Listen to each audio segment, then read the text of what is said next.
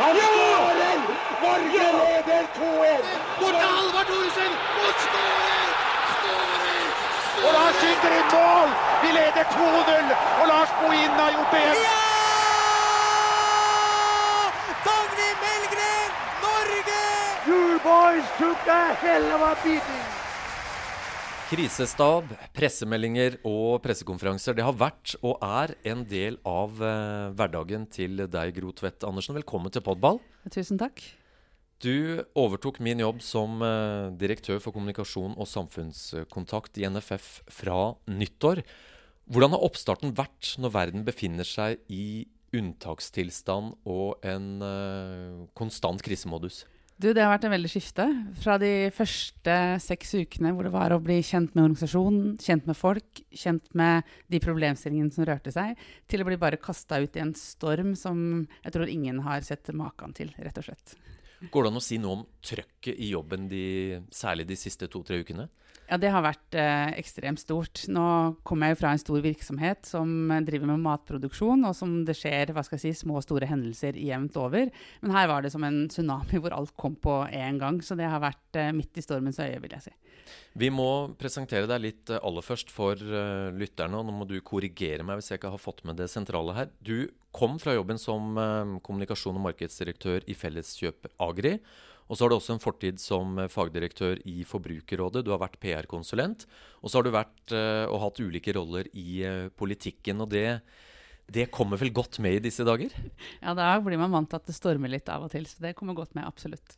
Men du, fagfeltet fotball i konteksten kommunikasjon, eller krisekommunikasjon, får vi nesten si. Hva, hva er inntrykket så langt?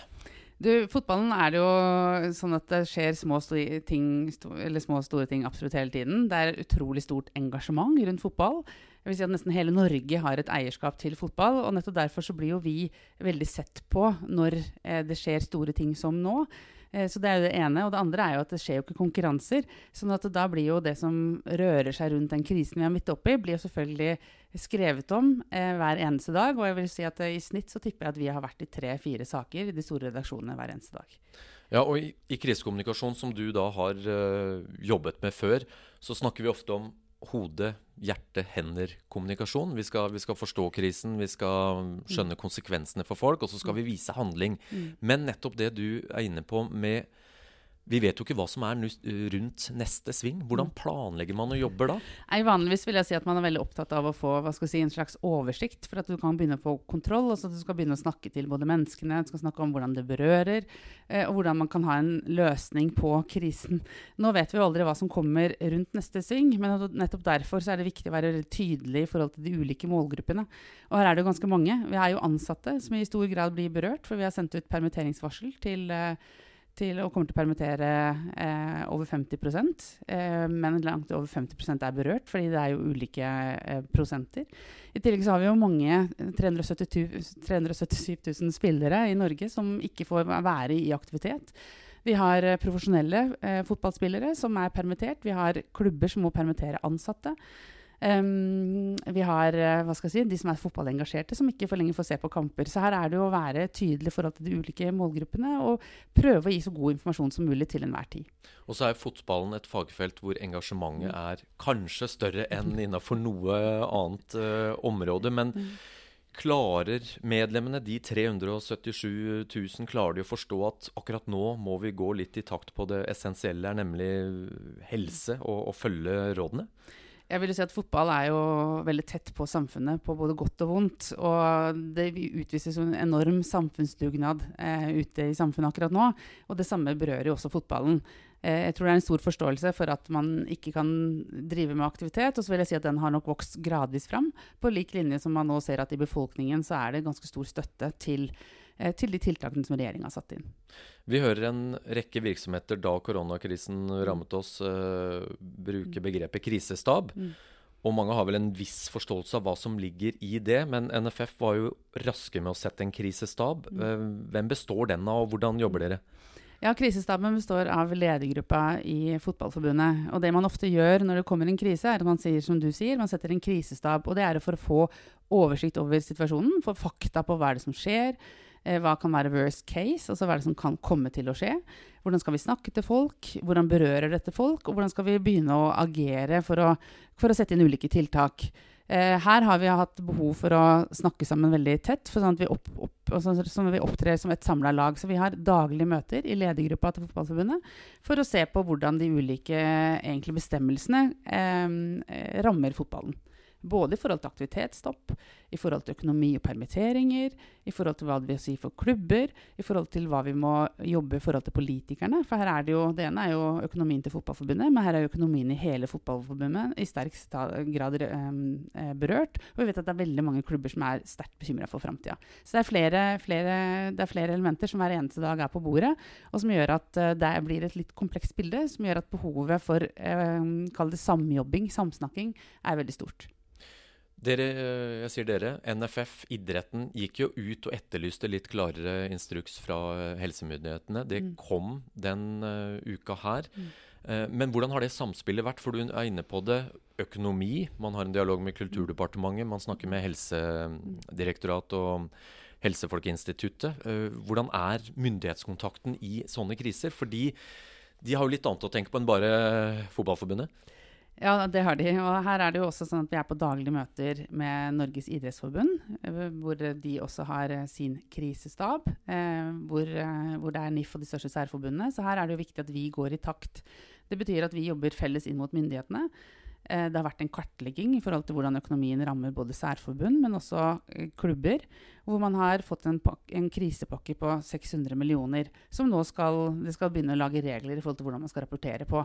Men samtidig så ser vi at det er ikke nok. Så nå har NIF i, i tett samspill med særforbundene sendt over nye krav med f.eks. For forslag til å kunne få momskompensasjon, som du kan for øke Eller få, få, gjort noe med den akutte likviditetskrisen. Det er liksom ett eksempel på hvordan vi jobber. Vi har hatt direkte kontakt med politikere på Stortinget for å forklare situasjonen som vi står i. Og jeg vet at i mange kretser så jobber man også opp mot lokale politikere, opp mot lokalt næringsliv, for å, for å forklare situasjonen og for å få det partnerskapet som vi, som vi er så heldige å ha i fotballen i det daglige. Det er altså 18 fotballkretser der ute som daglig snakker med sine medlemmer i en klubber. Fotball-Norge er stort. Hva vil du si er de aller største utfordringene akkurat nå? Ja, det vil si er å nå fram med all det, den eh, kommunikasjonen eller all den informasjonen vi har, og det å kunne, kunne prøve å skape litt trygghet i det uvisse. Eh, men der er vi jo Styrken til Fotballforbundet er jo nettopp det du sier. Det er at vi er veldig mange, men at vi også er tett på medlemmene våre, tett på klubbene våre gjennom kretsene. Så det er å prøve å samle laget, eh, ha god intern kommunikasjon mellom eh, hva skal vi si, vi som jobber på Ullevål og alle som er ute i kretsene. Eh, som igjen da har god kontakt med, med, klubbene der ute. Og der har vi gjort flere ting. Eh, internt så har vi flere allmøter. Vi bruker det som kalles intranett eh, hyppig. og og hver avdeling har ofte møter. Det høres litt kjedelig ut, men i, i, sånne krisesituasjoner så er nettopp det med å ha tett og hyppig kontakt den er alltid bra, og et punkt som alltid kan bli bedre. Og så gjelder det eh, kommunikasjonen ut til eh, klubber og kretser. Der har vi gjort flere ting. Vi har, eh, I første rekke så har vi kretsene våre, som har et eh, stort kontaktnett ut mot sine klubber. Der har det vært mange møter på Teams. Altså Hele Norge er jo blitt en super, superbrukere på Teams. Fredag kveld òg er det Teams-møter ja, der har det vært flere møter, hvor også presidenten vår har vært til stede i flere, flere, flere kretser eh, for å lytte inn. Og, og både presidenten og generalsekretæren og styret, og også flere i ledelsen, kommer til å være med i frem, tida fremover fremover. Nettopp fordi den kontakten med det som rører seg helt i ytterste ledd på klubbnivå, er ekstremt viktig i forhold til hvordan vi skal eh, prioritere våre krefter fremover. Eh, I tillegg så er det jo sånn at vi på sentralt nivå har noen det vi kaller kommunikasjonskanaler. Vi oppretta et nyhetsbrev som går rett til til klubbene. Det startet vi med i forrige uke. Vi har omstrukturert sidene våre, sånn at du både får klubbinformasjon, får treningstips, og i sosiale medier så prøver vi å engasjere spillere direkte og trenere, sånn at du kan få tips til egen aktivitet. Og onsdag denne uka her, som du nevnte, så eh, var Helsedirektoratet på banen med veiledning på hva som er lov, og hva som ikke er lov, i forhold til hva kan du si, trening. For her har det vært veldig uklart. Vi lagde et sett med treningsråd i tett dialog med Folkehelseinstituttet, så ble det uklart om de reglene vi kunne bruke de reglene ikke, kort oppsummert. Og da måtte vi ha en egen dialog med, nei, med Helsedirektoratet. Man mm. kan jo gå litt i surr med hvem som egentlig er hvem, ja. det er altså Helsedirektoratet som er utøvende når politikerne fatter vedtak. Eh, og da hadde vi et veldig god dialog med NIF og fikk på, eh, altså med Norges idrettsforbund og fikk på, på plass regelverk nå på onsdag. Men når regelverket er klart, så er det ikke så klart for alle klubbene hva som gjelder. Så nå er vi i gang med å, å lage det vi kaller fotballens koronavettregler, som vi håper å få ut i dag. Eh, rett før påske. Og så har du en uh, rolle der du skal fronte mye av uh, NFFs arbeid. Men det der å få medlemmene, folk ute, til å forstå at det er jo faktisk ikke NFF da, som bestemmer uh, alle ting i en ekstraordinær krise. Får dere kjeft? Og hva slags kjeft i så fall? Det er et veldig stort engasjement der ute. og jeg vil si at Vi får veldig mange gode spørsmål, først og fremst. Og vi opplever at når vi er Eh, kjappe eller klarer å være raske til å svare, så får vi ofte en stor forståelse på hvorfor gjør de veivalgene gjør. Og som vi snakka om innledningsvis, dette er en, jeg, en sånn, helt sånn utenom det vanlige situasjon for hele Norge. Og vi opplever egentlig en stor forståelse hele, fra hele Klubb-Norge. Og vi får veldig mange gode spørsmål og veldig mange gode innspill underveis, vil jeg si. Du, NFF var eh, rekordraske med å utsette EM. brister stemmen, faktisk først i verden. Og da er spørsmålet var det en kombinasjon av en uh, ivrig generalsekretær med fortid som NTB-sjef, eller var det en, en uh, kommunikasjonsdirektør som ville kuppe verden? Ja, det var kanskje en kombinasjon av begge deler. Nei, der var vi rett og, slett, rett og slett litt for raske på labben, som vi sa oss i ettertid. Eh, og heldigvis gikk jo Uefa ut rett etterpå med den offisielle informasjonen.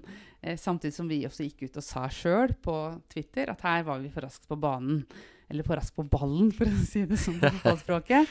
Eh, og når det er sagt, så har vi også eh, beklaga det overfor Uefa. Og så vet jo jeg som jobber med kommunikasjonsdirektør, er opptatt av at kommunikasjon skal skje på riktig måte.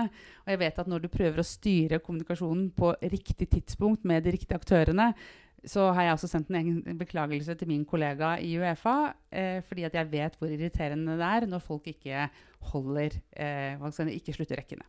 Så vil jo noen hevde at eh, store, tunge organisasjoner ikke er bortskjemt med å alltid være raske. Det er kanskje det motsatte som er problemet, så var kanskje et uh, lyspunkt uh, sånn sett. Kan kanskje se det på den måten. ja. Du, veien videre nå. Det er fortsatt veldig mye som er uavklart. Organisert trening i begrensa former har kommet i gang igjen. Stort engasjement, sa du, og det er det jo rundt seriestart. Serbia-kamp er utsatt. Kvinnenes EM blir da flytta til 2022. Det er mange ubesvarte spørsmål. Hvordan påvirker det arbeidet fremover nå? Jeg tror vi fortsatt må, må ha, ha, eh, tett dialog med klubbene våre. Vi må fortsatt eh, ha en god kommunikasjon og kommunisere det vi faktisk vet. Eh, nå vet vi at myndighetene kommer snart med nye signaler på hva som skjer fremover.